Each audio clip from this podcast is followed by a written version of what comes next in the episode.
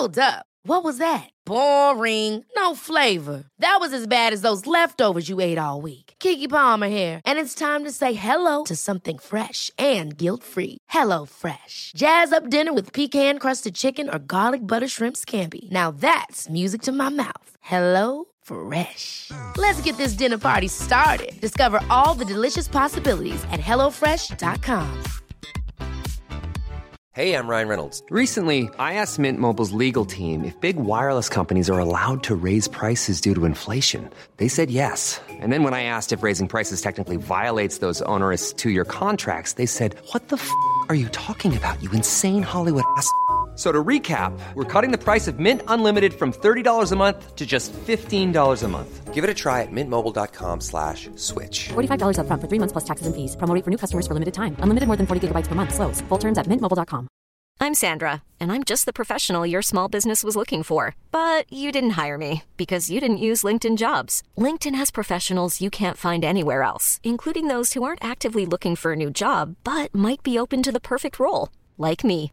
In a given month, over 70% of LinkedIn users don't visit other leading job sites. So if you're not looking on LinkedIn, you'll miss out on great candidates like Sandra. Start hiring professionals like a professional. Post your free job on linkedin.com/achieve today. Ord som samboavtal, äktenskapsförord och enskild egendom kanske inte direkt osar romantik. Men kärlek är mer än pirr i magen och lyckorus. Det innebär ju också ekonomi och juridik. Vad ska man tänka på innan man går in i en relation och hur blir skilsmässan rättvis? Du lyssnar på Smarta Cash, podden som peppar till en bättre ekonomi och rikare framtid och jag heter Isabella Amadi.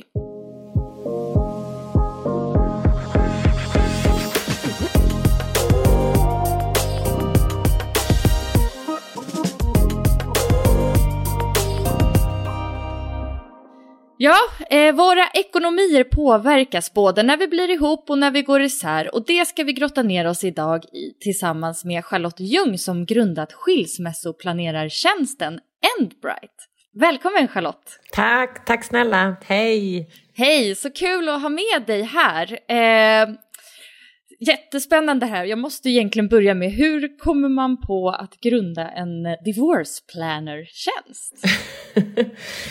ja, men ett skriande behov som jag såg mig finnas um, i, vår, i vår omvärld. Uh, jag är vis av egen erfarenhet förvisso, nu är det ganska många år sedan, men då minns jag att jag tänkte att uh, det var ju ganska mycket att hantera och lite som du var inne på så är det ju inte minst en hel del juridik och ekonomi att hantera.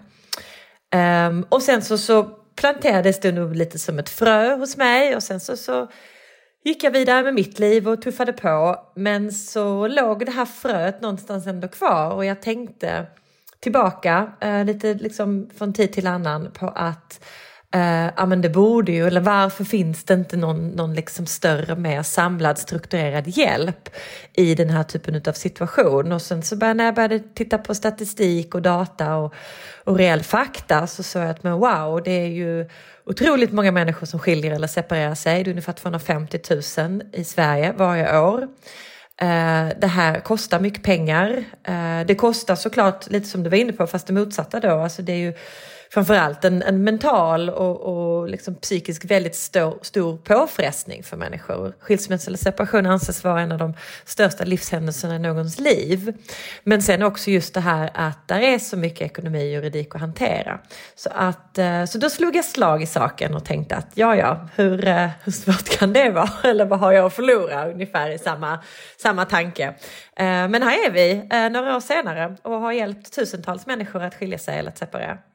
Ja, alltså det är ju verkligen som du säger, uppbrott är ju en av de största grejerna man kan vara med om känslomässigt, men det kan ju verkligen påverka ens ekonomiska situation.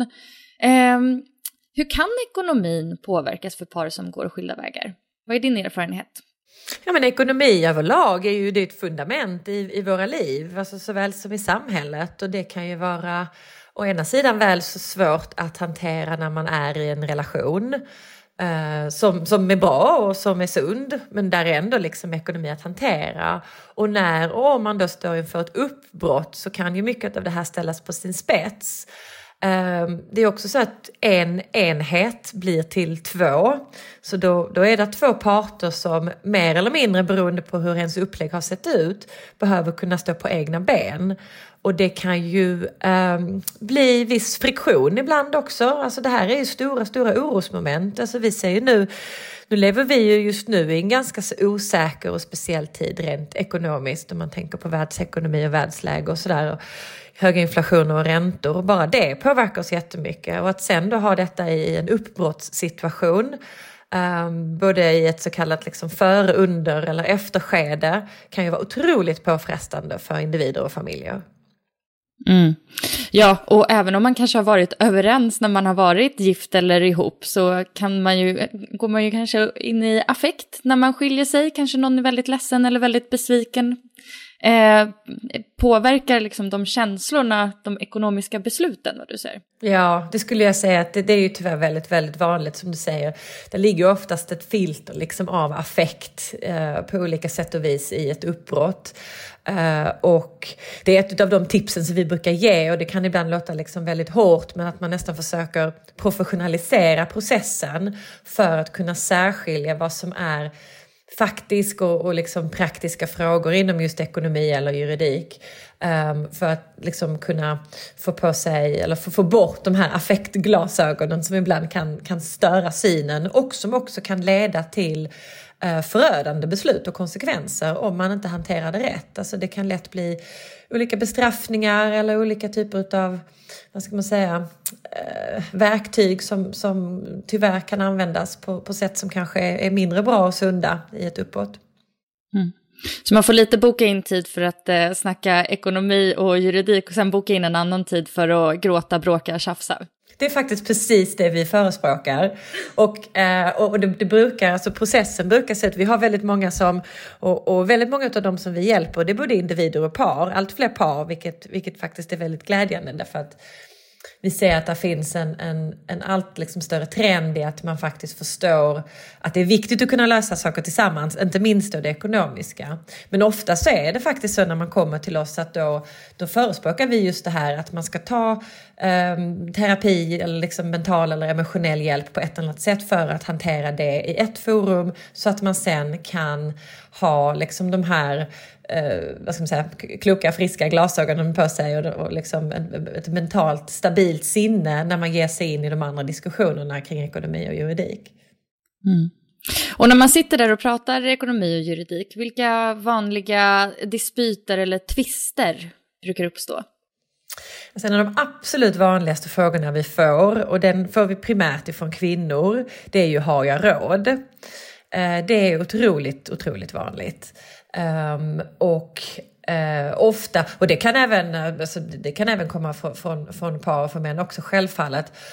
Och i det läget är det ju att, um, att eh, förkovra sig och att liksom skapa sig så mycket kunskap och, och insikt och, och, och liksom förstå uh, vad, man har, vad man har att jobba med och hur man kan liksom göra göra det, lägga fram sakerna väl inför framtiden. Men det andra är ju också eh, är ju, alltså ren, ren uppdelning utav ekonomin är ju otroligt liksom, vanliga frågeställningar. Där är också eh, lite skillnad kring huruvida man är eh, de facto gift eller man har levt i ett samboförhållande. Så är det olika lagar och förhållningsregler på det. Sen så jämte de här kanske då liksom två stora frågeställningar kring ekonomi och juridik så är ju också boende är ju såklart också en väldigt vanlig liksom fråga och orosmoment och igen inte minst nu när vi har en skakig bostadsmarknad. Och sen så på, på, liksom, på en annan del av spektrat så är det ju ofta barn och vårdnadsfrågor och underhåll och um, vem som bor var och i vilken omfattning och hur man löser de praktiska frågorna. Så, sånt hanterar vi väldigt mycket. Mm. Ja, det här att ha råd är ju verkligen så här berörande. Jag har sett eh, undersökningar som banker tar fram ibland och ja, institut, kanske Fredrika Bremer-förbundet har tagit fram det här också tror jag, där man ser att eh, kvinnor, eh, jag vill minnas att det var liksom tre av fyra kvinnor upplever sig inte ha råd att skilja Mm, sig. Mm. Det finns en rapport från Ownershift som är en tankesmedja som jobbar mycket med just kvinnligt ägande. Och där eh, ser man också i deras senaste rapport att könsskillnaderna i just ägande i genomsnitt ökar med 350 procent efter skilsmässa. Eh, och i relationer tror jag det är där båda ma- makarna äger lika mycket under ett äktenskap så äger mannen 68 procent mer än kvinnan efter skilsmässan. Så att det är klart att här finns ju eh, skeva fördelningar och det här är väl också kanske en reflektion på hur, hur samhället ser ut i stort och, och det, på, det arbetet pågår ju väldigt mycket och vi har ju en, en ganska så i Sverige i alla fall en, en ganska så tydlig dialog kring, kring jämställdhet och jämlikhet. Men, men igen med de här siffrorna så blir det ju uppenbart att det, är, att det är en ganska lång väg kvar. Säg att man ska skilja sig då. Eh, då kommer ju den här bodelningen. Eh, vad, vad är egentligen bodelning? Det är, och nu när vi går in på de här frågorna måste jag också faktiskt bara säga att en liten disclaimer. Jag är ju inte jurist eller advokat och jag är inte heller ekonomisk rådgivare. Så att det här är liksom ur, ur mitt, eh, mitt perspektiv och mitt arbete i, eh, i Enbright. Um, men tillbaka till vad en bodelning är. Alltså det är en uppdelning utav um, tillgångar och skulder. Eh, det, det man äger och, och det man har och oftast vad man eh, under vad ska man säga, gemensamt bo, igen lite beroende på konstellationen, har eh, förvärvat eller skaffat sig eller tjänat in under, under en rela relationens tid. Och då ska man dela upp det. Man ska dela upp boet helt enkelt. Är det allt? Alltså pengar, saker, bostad, ingår alltihop där? Eh, det kan det vara, det kan, kan vara det. Alltså det, igen, det beror lite på huruvida man är, är gift eller om man är sambo. Och är man, eh, är man gift så, så har man någonting som kallas för eh, giftorättsgods. Eh, och då brukar man som regel, här kommer det också in huruvida man har ett äktenskapsförord eller då ett, ett samboavtal också som kanske kan reglera det här på lite, på lite andra sätt också. Ehm, men giftorättsgods ska ju delas lika eh, mellan, eh, mellan makarna. Medans om du har varit sambo så är det lite annorlunda reglerat. Då är det vissa tillgångar som, eh, som inte ingår så att säga i, nu finns det inget ord som heter samborättsgods, men alltså, motsvarande upplägg så att säga. Mm. Vad är det som inte ingår om man är sambo? Precis, om man är sambo så gäller sambolagen. Uh, och då gäller den enbart för gemensam uh, bostad och bohag, alltså det vill säga möbler och annat lösöre som har gått in i bohaget och i, i bostaden. Men det gäller inte för till exempel bankkonton, aktier, bilar, båtar eller sommarstugor så att säga. Uh, man kan igen, som vi har varit inne på, man kan reglera det om man då har ett samboavtal. Och eller om det kan också finnas testamenten som kan reglera de här um, bitarna. Men som regel så är det bostaden och liksom bohaget som ingår, men ingenting annat. Så det är ganska stor skillnad från om man sitter i ett äktenskap uh, och också där beroende på huruvida du har ett äktenskapsförord. Men där är det som regel att alla tillgångar ska delas lika. Clean cut 50 procent. Ingår också aktier och fonder, liksom ens investeringar om man är gift? Om man är gift så gör det det. Det gör det, men inte om man är sambo. Um, och igen, sen kan man kanske ha reglerat det här på, um, på olika sätt och vis. En annan sak som är bra att tänka på, det är pensioner. Uh, för att det också kan vara potentiellt ganska så stora värden som ligger i pensioner. Eh, så här gäller det, här får man oftast undersöka lite. Men det kan vara så att har du ett eh, pensionsupplägg ehm, med din arbetsgivare eller om någon av parterna har detta så behöver man se till huruvida det är arbetsgivaren eh, eller själva arbetstagaren som faktiskt har ägande och kontroll över det här. För det är inte säkert att det ingår i bodelningen då eller att det tillräknas som ett giftorättsgods. Privat pensionssparande ingår ofta i en bodelning. Men igen, där, eh, där är det lite snårigt och det kan vara lätt att hamna fel där också. Mm. Okej, okay, så tumregeln blir lite, har man, är man gift och har inget äktenskapsförord, då är det liksom, då är det 50-50 som gäller. Är man sambo, eh, då är det mest det kopplat till bostaden och bohaget som ingår. Eh, och pensioner, det kollar man upp oavsett. Det ska man kolla upp och ha koll på separat, precis. Mm. Men hur brukar en bodelning påverka parterna? Jag har ju en fördom om att eh, kvinnor drar det kortare strået. Stämmer det? Ja, det är ju ingen fördom, det är ju ett faktum. Eh, så är det ofta. Eh, och igen, det har vi ju ganska så, så liksom krassa siffror på som, som vi var inne på här, här tidigare. Och alltså igen, och det, det hänger ihop med, med med, med, vad ska man säga, kanske lite strö, strukturell, strukturella eh, bekymmer kring det här som vi har i, eh, i samhället i stort. Men sen är det också det att många kvinnor på grund av det här lider ju av ekonomiskt dåligt självförtroende också.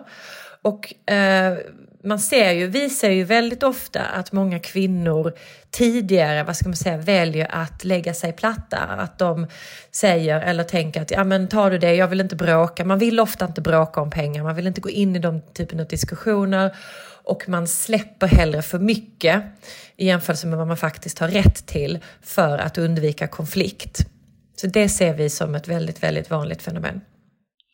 Ja, för det är ju så jobbiga känslor. Man kanske faktiskt, man vill, kanske bara vill separera. Alltså man vill bara bort från allting och då liksom hinner man typ inte riktigt tänka efter eller mm. göra en bra deal. Ja, ja, men så är det. Och också det här att, och det, det är någonting som vi också tyvärr ser att det kan finna då, finnas dels då igen tyvärr många kvinnor som kan, som kan komma till oss och sen så har de kanske ett samboavtal eller ett äktenskapsförord som de har skrivit under en gång i tiden. Men de har inte riktigt vetat eller förstått vad de faktiskt har undertecknat. Och det kan ju också ligga in i fatet senare om eller när man skiljer sig eller separerar. Och sen så på samma, på samma sätt på, på andra sidan myntet så finns det många kvinnor som tidigt kanske i ett uppbrott också har uppmuntrats eller känt att de på ett eller annat sätt eh, ja, men har undertecknat någonting som de igen inte riktigt heller har känt att de har stenkoll på. Och då blir det inget bra heller. Och det kan ju också ligga in i fatet under ganska så lång tid. Alltså det kan ju vara flera år. Att häva ett, ett bodelningsavtal, vilket är oftast det man vill hamna i, det kan vara ganska svårt när det väl är undertecknat också. Så att det, där finns en hel del fallgropar och det kan, det kan kosta mycket, mycket pengar.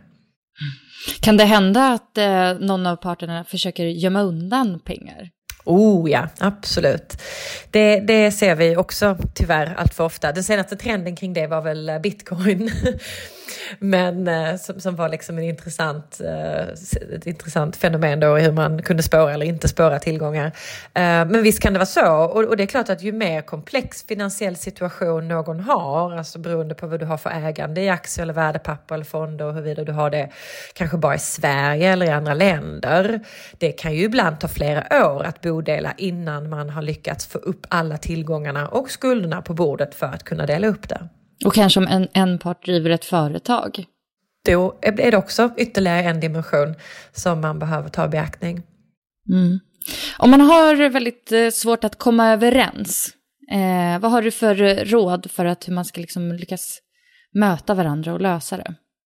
Jag tror att eh, det som oftast är mest effektivt det är ju att, att på ett eller annat sätt, det finns många olika sätt att göra det på, men att ta in en, en tredje part, alltså en neutral part som på ett eller annat sätt kan, kan medla eller vara dels ett bollplank men också som kan ha um, en, en liksom tydlig rättvis bild utav situationen och uppdelningen. Det finns alltifrån olika typer av hjälp via um, kommun och, och, och, och liksom våra, våra statliga system så att säga. Uh, de är inte fullt så fokuserade på de ekonomiska uppdelningarna. Där handlar det mer om familjefrågor och barn, barn och vårdnadsfrågor. Um, sen är det ju absolut vanligast att man tar hjälp av en jurist eller en advokat. Eh, och eller en ekonomisk rådgivare. Det kan också vara lite beroende på hur man är eh, har för kontakt med banken eller om där finns någon som kan hjälpa en där. Och sen så, men det var väl lite det jag såg också, att det var väldigt svårt att hitta den här tredje parten, vilket är en av anledningarna till att jag startade Enbright, för att jag tyckte att det skulle kunna finnas liksom vettig tillgänglig hjälp. Uh, jag tror att det andra är också att ingenting av det här har ju funnits digitalt tidigare. Vi lever ju i en helt digital värld och jag reagerade verkligen på att det var så himla analogt och väldigt mycket manuellt arbete och det tar ju väldigt tid, lång tid i sig och kan också då kosta massa pengar i timmar till advokater och så vidare. Ska vi kika lite på det här med de olika avtalen som man kan sluta innan man går in i en relation eller gifter sig? Eh, detta mytomspunna äktenskapsförordet. Det känns som att eh, i film är det liksom mest aktuellt när det är typ miljardärer. Men det behöver man kanske inte vara för att eh, skriva ett sådant. Så, vad innebär ett äktenskapsförord och vad kan ingå i det? Ja men det är lite som du säger att det har väl tidigare har det funnits en sån här liten Hollywood-bild av, eh, av skilsmässor eller av, och även av, av liksom Disney-bröllop och liknande eh, i stort och att äktenskapsförord vanligtvis sluts när det är liksom väldigt förmögna, förmögna individer. Så är det ju inte alls Så man ser ju att, att skriva äktenskapsförord och samboavtal det har ju ökat ganska så mycket. Nu minns jag inte den exakta procenten men vi släpper ju eh, rapporter på det här också. Så att det kan man se att det har skett en ganska så ordentlig ökning de senaste åren. Eh, och jag tror att allt fler Uh, inte minst igen tillbaka till att, att kvinnor har en annan position och ekonomisk liksom, kraft i samhället. Um, så anser man ju och inser ju att det här behöver vara mer så en hygienfaktor, att det här är liksom någonting som ska finnas. Det svåra har ju varit, lite som du är inne på, det, det är ju mer att bryta stigmat kring att ja, men, man ifrågasätter inte relationen eller man, man målar liksom inte upp något domedagsscenario eller tror att det ska ta slut bara för att man skriver ett sånt här avtal. Och det är väl där väldigt många människor har haft svårt att liksom möta, att överhuvudtaget liksom ta den här diskussionen. Och igen, det, det är ju synd därför att eh, då, då, är det ju många som, som har suttit sen på andra sidan och, och um, insett att ja, men det där hade kanske varit himla, himla fiffigt, uh, fiffigt att ha. Men eh, ett äktenskapsförord är rätt och slätt alltså det är ett avtal som, som avgör liksom, vad är din egen egendom, egendom alltså enskild egendom um, kontra vad som, som liksom ingår i äktenskapet. uh, och, och eh, ja, I boet, så att säga, i det gemensamma boet. Så man särskiljer, så, så att vad, vad är mitt egna, vad är mina egna tillgångar? Eh, och alla skulder och vad, vad är det liksom som vi går in i gemensamt och det vi skapar gemensamt brukar oftast vara det som man anser då vara giftorättsgods. kan finnas undantag. Och då kan man skriva in liksom att ja, mitt eh, privata pensionskonto det är min enskilda egendom eh, och alla insättningar man gör dit det kommer man liksom aldrig behöva dela på då vid en eventuell Exakt. Separation. Ja, exakt. Det kan också vara då om man har delar i, i ett bolag till exempel, eller det kan vara framtida arv eller eh, andra typer av tillgångar också. Så att det krävs lite tankarbete um, för att oftast så Alltså ett äktenskapsförord, det täcker ju in en ganska stor, stor del av ens liv. Eh, inte bara det som är här och nu utan då, där får man ju försöka ta höjd för olika scenarier som kan komma att äga rum längre fram i tid också. Det vanligaste är liksom att det, det, som, det som jag har med mig in i boet eller det som jag har innan jag går in i boet det är, det är liksom min egendom och sen så det man förvärvar eller som man skapar under tiden man, man är i boet eh, blir till giftorättsgods. Mm. Kan man ändra ett äktenskapsförord? Ja, absolut. Ja, det kan man göra. Det är en process, alltså man behöver att, att uh, skapa själva avtalet. Alltså dels behöver gå igenom liksom arbetet i att, ja men vad ska vi och vad, vad vill jag reglera, vad vill vi reglera? Och sedan så ska du registrera det här hos Skatteverket. Så att eh, det är ändå en, en formell process. Att det räcker inte att man bara har skrivit under det och att man har det i en byrålåda utan det ska reg, reg, eh, registreras hos, hos Skatteverket också för att det ska vara gällande. Måste man ha en jurist? Man måste inte, men jag skulle säga att det är absolut att rekommendera. Mm. Alltså en sak är ju att skriva, skriva avtalet och få alla ord och punkter och meningar i ordning. Men det är en annan sak att verkligen förstå vad det är man, vad man committar till och vad, man, vad, liksom, vad själva innehållet är. Mm. Eh, samboavtal då? Eh, vad innebär ett sånt? Ja, ja, men det är mer eller mindre samma sak.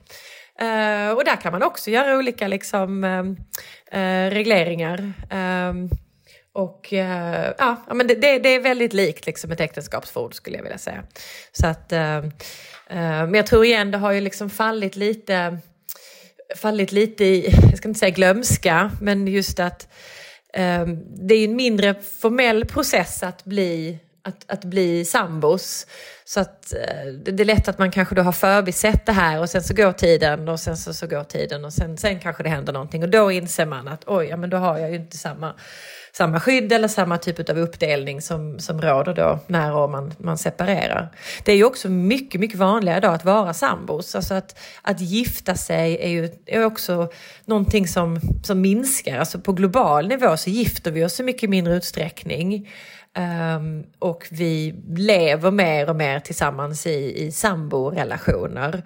Um, och sen så kan man också, kan man också komma ihåg att en samborelation kan ju vara både, vad ska man säga, en, en, en första gång men sen så kan det vara flera gånger och då kan det också innebära att det finns barn med i bilden så att det är bonusfamilj eller ja, andra familjekonstellationer som kommer in i det också. Så då kan det kanske vara ännu bättre och ännu viktigare att, att faktiskt sätta sig ner och göra läxan ordentligt. Kan nästan gissa ditt svar på min nästa fråga. Eh, tycker du att man borde göra avtal innan man gifter sig eller blir sambo? Ja, absolut. Ett, ett, ett solklart ja på det. Eh, alltså på ett sätt, jag, jag försöker ibland, och när, när vi pratar om det, att nästan vända lite på det och säga att ja, men det är kanske något av det mer romantiska man kan göra i att faktiskt tidigt när man sitter där och är lyckligt, eh, lyckligt eh, nyförälskade och har pirret i magen att man vill se till varandras bästa om det här inte skulle funka.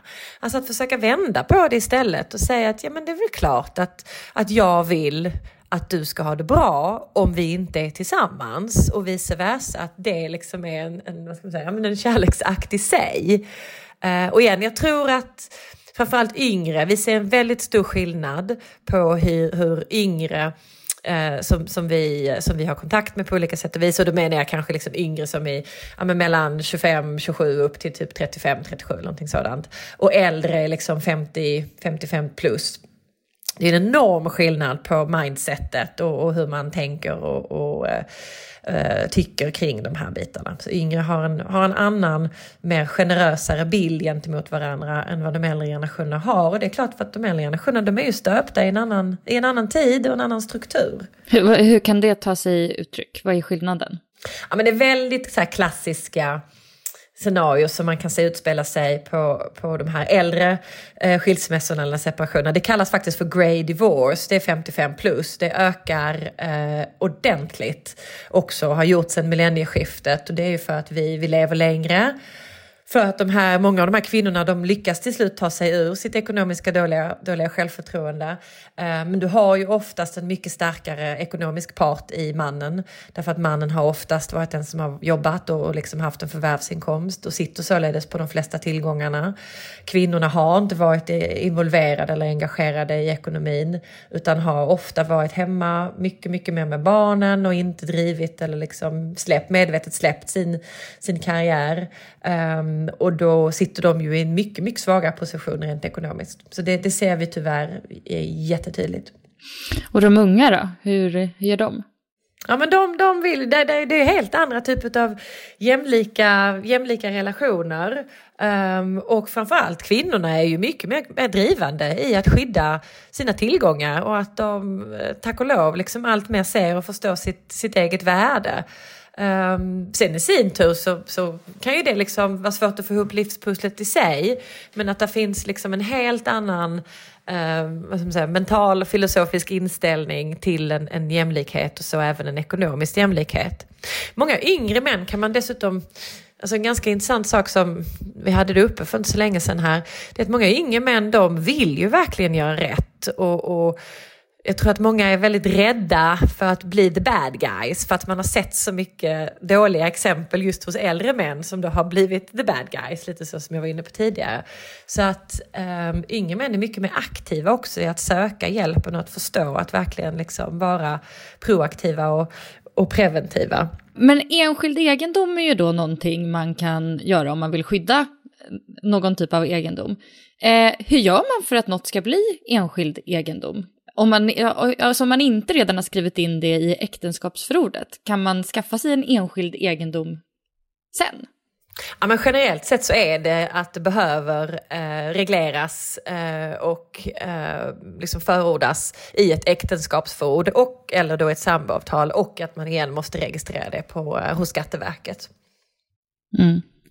Finns det något vanligt misstag som folk brukar göra när det kommer till eh, ekonomin i relationer? Oh ja, säga. Det finns, det finns nog, ja men igen, det finns många, många fallgropar man kan falla i. Jag skulle säga att de flesta misstagen, eller när det inte blir bra, det bottnar nog i bristande kommunikation skulle jag vilja säga. Alltså det börjar ju alltid ändå någonstans med att man kan ha en öppen och tydlig diskussion eller dialog sinsemellan kring det ekonomiska. Eh, det är någonstans där allting, det, allt, det som allt bottnar i så att säga. Um, så att jag skulle vilja säga att man absolut liksom, man behöver närma sig frågan, måste våga närma sig frågan. Det finns många olika sätt man kan göra på det. Alltså man kan ju absolut liksom sätta sig vid köksbordet och, och verkligen så här, ta tjuren vid hornen. Um, men det finns också andra sätt. Alltså vi lever ju i en väldigt vad ska man säga, fiffig um, värld idag där det finns en mängd olika digitala verktyg. Alltså det finns digitala sparverktyg, det finns appar man kan dela med varandra. Alltså man kan ju också börja litet i att liksom kanske starta något litet gemensamt sparande. Alltså börjar man i någon ända så kan det sen liksom sakta men säkert kanske växlas upp till att man sen får liksom en heltäckande dialog och, och liksom har en bra kommunikation kring ekonomin på det stora hela. Men det svåraste är nog faktiskt att, att närma sig det och, och att liksom börja kommunikationen. Ja, prata pengar kan verkligen vara jobbigt. Eh, men det var bra det där du sa, eh, att man ska se det romantiskt även fast det kanske inte känns så. Så, så gör man det kanske ändå av omtanke. Ja, och man kan också lägga in liksom, alltså lite glimten i ögat. Alltså igen, ju tidigare man gör det i en relation, desto bättre.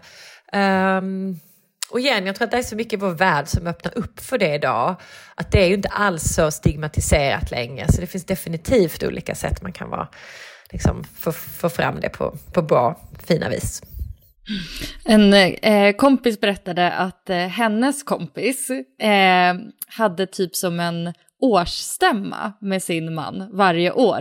Där de liksom gick igenom så här, men, ek ekonomin på liksom det övergripande planet, de satte sina gemensamma mål, eh, både liksom sparmål men också vart vill de i livet, alltså typ någon sån översyn av relationen. Alltså, fast, och så gjorde de det verkligen så här business-like.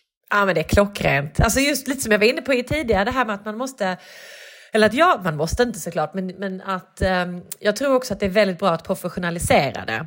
För då är det lättare att särskilja det från, från det här där det eventuellt liksom hamnar i affekt eller liksom känslomässighet. Uh, och som du säger, nej men det här är business och det, det är liksom, och igen, det är kronor och ören, det är siffror, det är svart på vitt. Eh, uh, det, det, kan man någonstans aldrig komma ifrån. Och det är ju ett litet företag och, ha en relation eller att, och ännu mer att liksom ha en familj. Så att fattas bara att man har den approachen tycker jag är hur bra som helst. Mm. Eh, jag tänker vi, eh, det lider mot sitt slut här. Eh, vill du skicka med oss eh, dina bästa tips eh, om man nu eh, är på gång här att skilja sig? Alltså hur gör man det på ett eh, snyggt och rättvist sätt? Ja, men det är några liksom, medskick som, eh, som jag brukar ha när jag får den, eh, när jag får den frågan. Och den första är ju den är ibland lite tuff därför att det är kanske inte alltid så. Och det ser vi också inte minst liksom, varför människor kommer till oss. Men det är ju att det här att, att faktiskt se till att man ändå har sitt eget kapital eller någon sorts säkerhet. Och att man i bästa fall har byggt upp det, liksom ett backup, ett fuck off-kapital brukar det också kallas. Um, och lite tillbaka till det som du var inne på med enskild egendom. Att, att kanske se till att det alltid finns någonting som är just ditt och som du är den som har 100% egen kontroll över. Um, sen tror jag att alltså en, en stor del, och igen, vi ser ju det för att vi, vi ser att det är så lätt att, att gå fel, men att det här med att samla fakta, informera dig själv, läs på, ställ frågor, våga ställa alla de dumma frågorna. Uh, det finns också många olika forum man kan vända sig till det här som vi varit inne på och ta hjälp. Alltså jag tror att det är också uh, någonting man, man ibland räds, men ofta så är det mycket mycket, mycket, mycket smartare och billigare i längden. Därför att det kan kosta så otroligt mycket om man, har, om man inte har tagit hjälp. Och, och ja, igen, när man då har liksom inte hamnat riktigt, riktigt rätt i detta. Um, sen har vi redan varit inne på en annan sak som jag brukar säga och det är just det här att se på det med professionella ögon. Jag tycker den är, är klockren. Det är ett projekt och man ska ta sig igenom det. Uh, hur tufft och svårt det liksom ändå kan, kan låta. Um, och även liksom on that note så, så är det ett projekt som är ja, men det är ett omfattande projekt. Alltså jag brukar ibland också jämföra med att, att, det är lite som att man ska ut och springa ett maraton. Det är liksom ingen sprint och det är ingenting som är, liksom går över på, på en kortare tid utan en skilsmässa eller en separation är en ganska lång process. Sen måste man ju liksom dela upp den. Ska man äta en elefant så kan man ändå bara ta en, en tugga i taget. Liksom. Men att, att någonstans mentalt försöka ha inställningen på att ja, men jag jag ska vara länge i den här processen, man måste ta hand om sig själv. Alltså det är alltid från så basics, sov bra, ät bra. Alltså, du är ju ditt enda verktyg till att klara dig igenom en sån, ett sånt här uppbrott eller en process som kan vara väldigt påfrestande. Så att, att liksom ha den mindseten brukar jag försöka lägga till också ovanpå de här kanske lite mer konkreta tipsen. Tusen tack Charlotte för att du delade med dig av all din kunskap om det här. Tack själv och så himla bra och klokt och vettigt att, uh, att du lyfter det här och grym podd. Tack snälla du! Eh, om man vill eh, hitta dig och Enbright, vart, eh, vart söker man? Då finns vi på enbright.se och eh, där finns, eh, bland annat finns något som heter Lilla skilsmässoboken och den har väldigt tydligt upp upp liksom skrivet och, och massa fakta kring just det här vi har talat om. Kring olika avtal, äktenskapsförord, samboavtal och även väldigt mycket kring bodelning. Det finns olika liksom uträkningsexempel och liknande på det. Så det, den är ett tips just på denna, på denna diskussionen. Mm, kanon. Jättetack till dig som har lyssnat på det här också. Vi hörs igen nästa vecka. Hej då! Hej!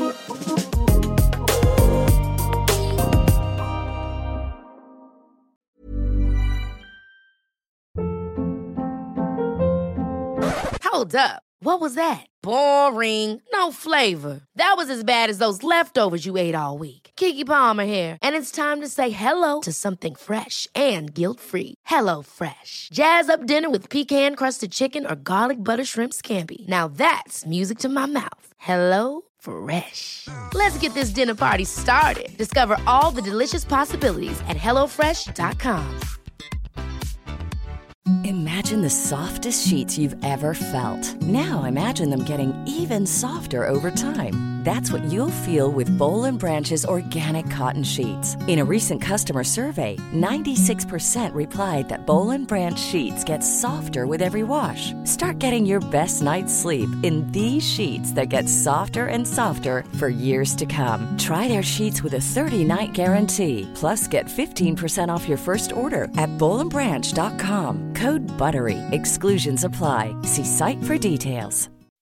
When you make decisions for your company, you look for the no-brainers. If you have a lot of mailing to do, stamps.com is the ultimate no-brainer. Use the stamps.com mobile app to mail everything you need to keep your business running with up to 89% off USPS and UPS. Make the same no-brainer decision as over 1 million other businesses with stamps.com. Use code PROGRAM for a special offer. That's stamps.com code PROGRAM.